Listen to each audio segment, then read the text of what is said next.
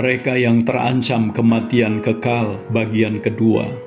Yohanes 4 ayat 40 dan 41 mencatat, ketika orang-orang Samaria itu sampai kepada Yesus, mereka meminta kepadanya supaya ia tinggal pada mereka dan ia pun tinggal di situ dua hari lamanya. Dan lebih banyak lagi orang yang menjadi percaya karena perkataannya.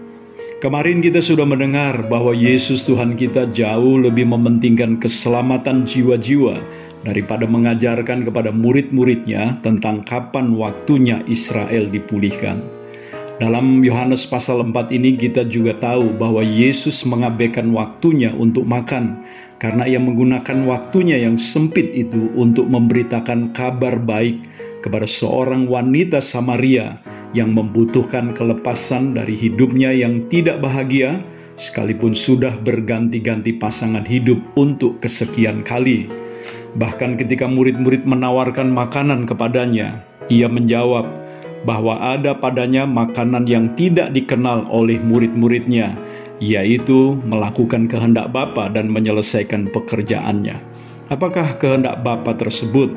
Saya percaya keselamatan mereka yang terancam kematian kekal. Nah, di dalam ayat pembukaan yang kita dengar tadi, ternyata imbas dari kesaksian wanita Samaria itu bukan hanya mengakibatkan banyak orang percaya kepada Yesus di kota itu, tetapi juga mereka meminta Yesus untuk tinggal beberapa waktu lamanya di kota tersebut. Dan sungguh mengherankan, Yesus memenuhi permintaan mereka dengan tinggal di situ dua hari lamanya. Sikap Tuhan Yesus ini membuat saya merenung. Yang pertama, sebetulnya orang Samaria memiliki hubungan yang kurang baik dengan orang Yahudi kita tahu bahwa Yesus pernah ditolak untuk melewati suatu daerah di Samaria hanya karena ia mau menuju Yerusalem. Sehingga dua orang muridnya menjadi marah dan mau menyuruh api turun dari langit untuk membinasakan orang-orang Samaria itu. Namun di sini demi keselamatan orang banyak di daerah tersebut, Yesus bersedia tinggal di situ selama dua hari. Yang kedua, Tinggal selama dua hari di kota Sikar barangkali adalah sebuah interupsi atau sebuah penyelaan dari rencana Yesus untuk pergi ke Galilea. Bagi murid-muridnya, barangkali interupsi ini sesuatu yang kurang menyenangkan atau bahkan sangat menjengkelkan.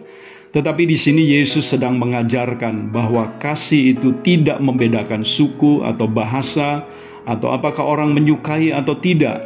Kasih mengatasi semua itu, dan kasih adalah modal dasar untuk melayani jiwa-jiwa yang terancam kematian kekal.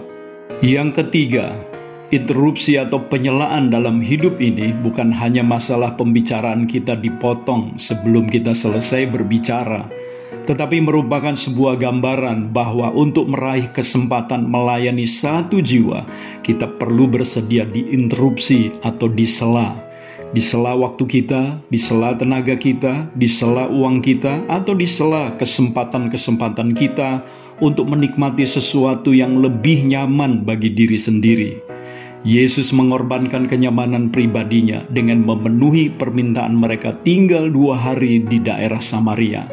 Yang keempat, pengorbanan yang mahal akan mendapatkan hasil yang kekal karena firman Allah mencatat dan lebih banyak lagi orang yang menjadi percaya karena perkataannya. Dan yang kelima, di sini Tuhan memberi teladan bahwa keselamatan jiwa-jiwa yang terancam neraka kekal adalah sebuah prioritas utama dalam kehidupan orang percaya.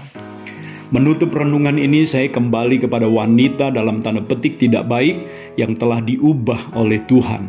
Dialah faktor pemicu orang banyak itu meminta Yesus tinggal dan karena Yesus tinggal selama dua hari di situ, wanita itu punya kesempatan untuk membawa suaminya dalam tanda petik kepada Yesus untuk mengalami pertobatan.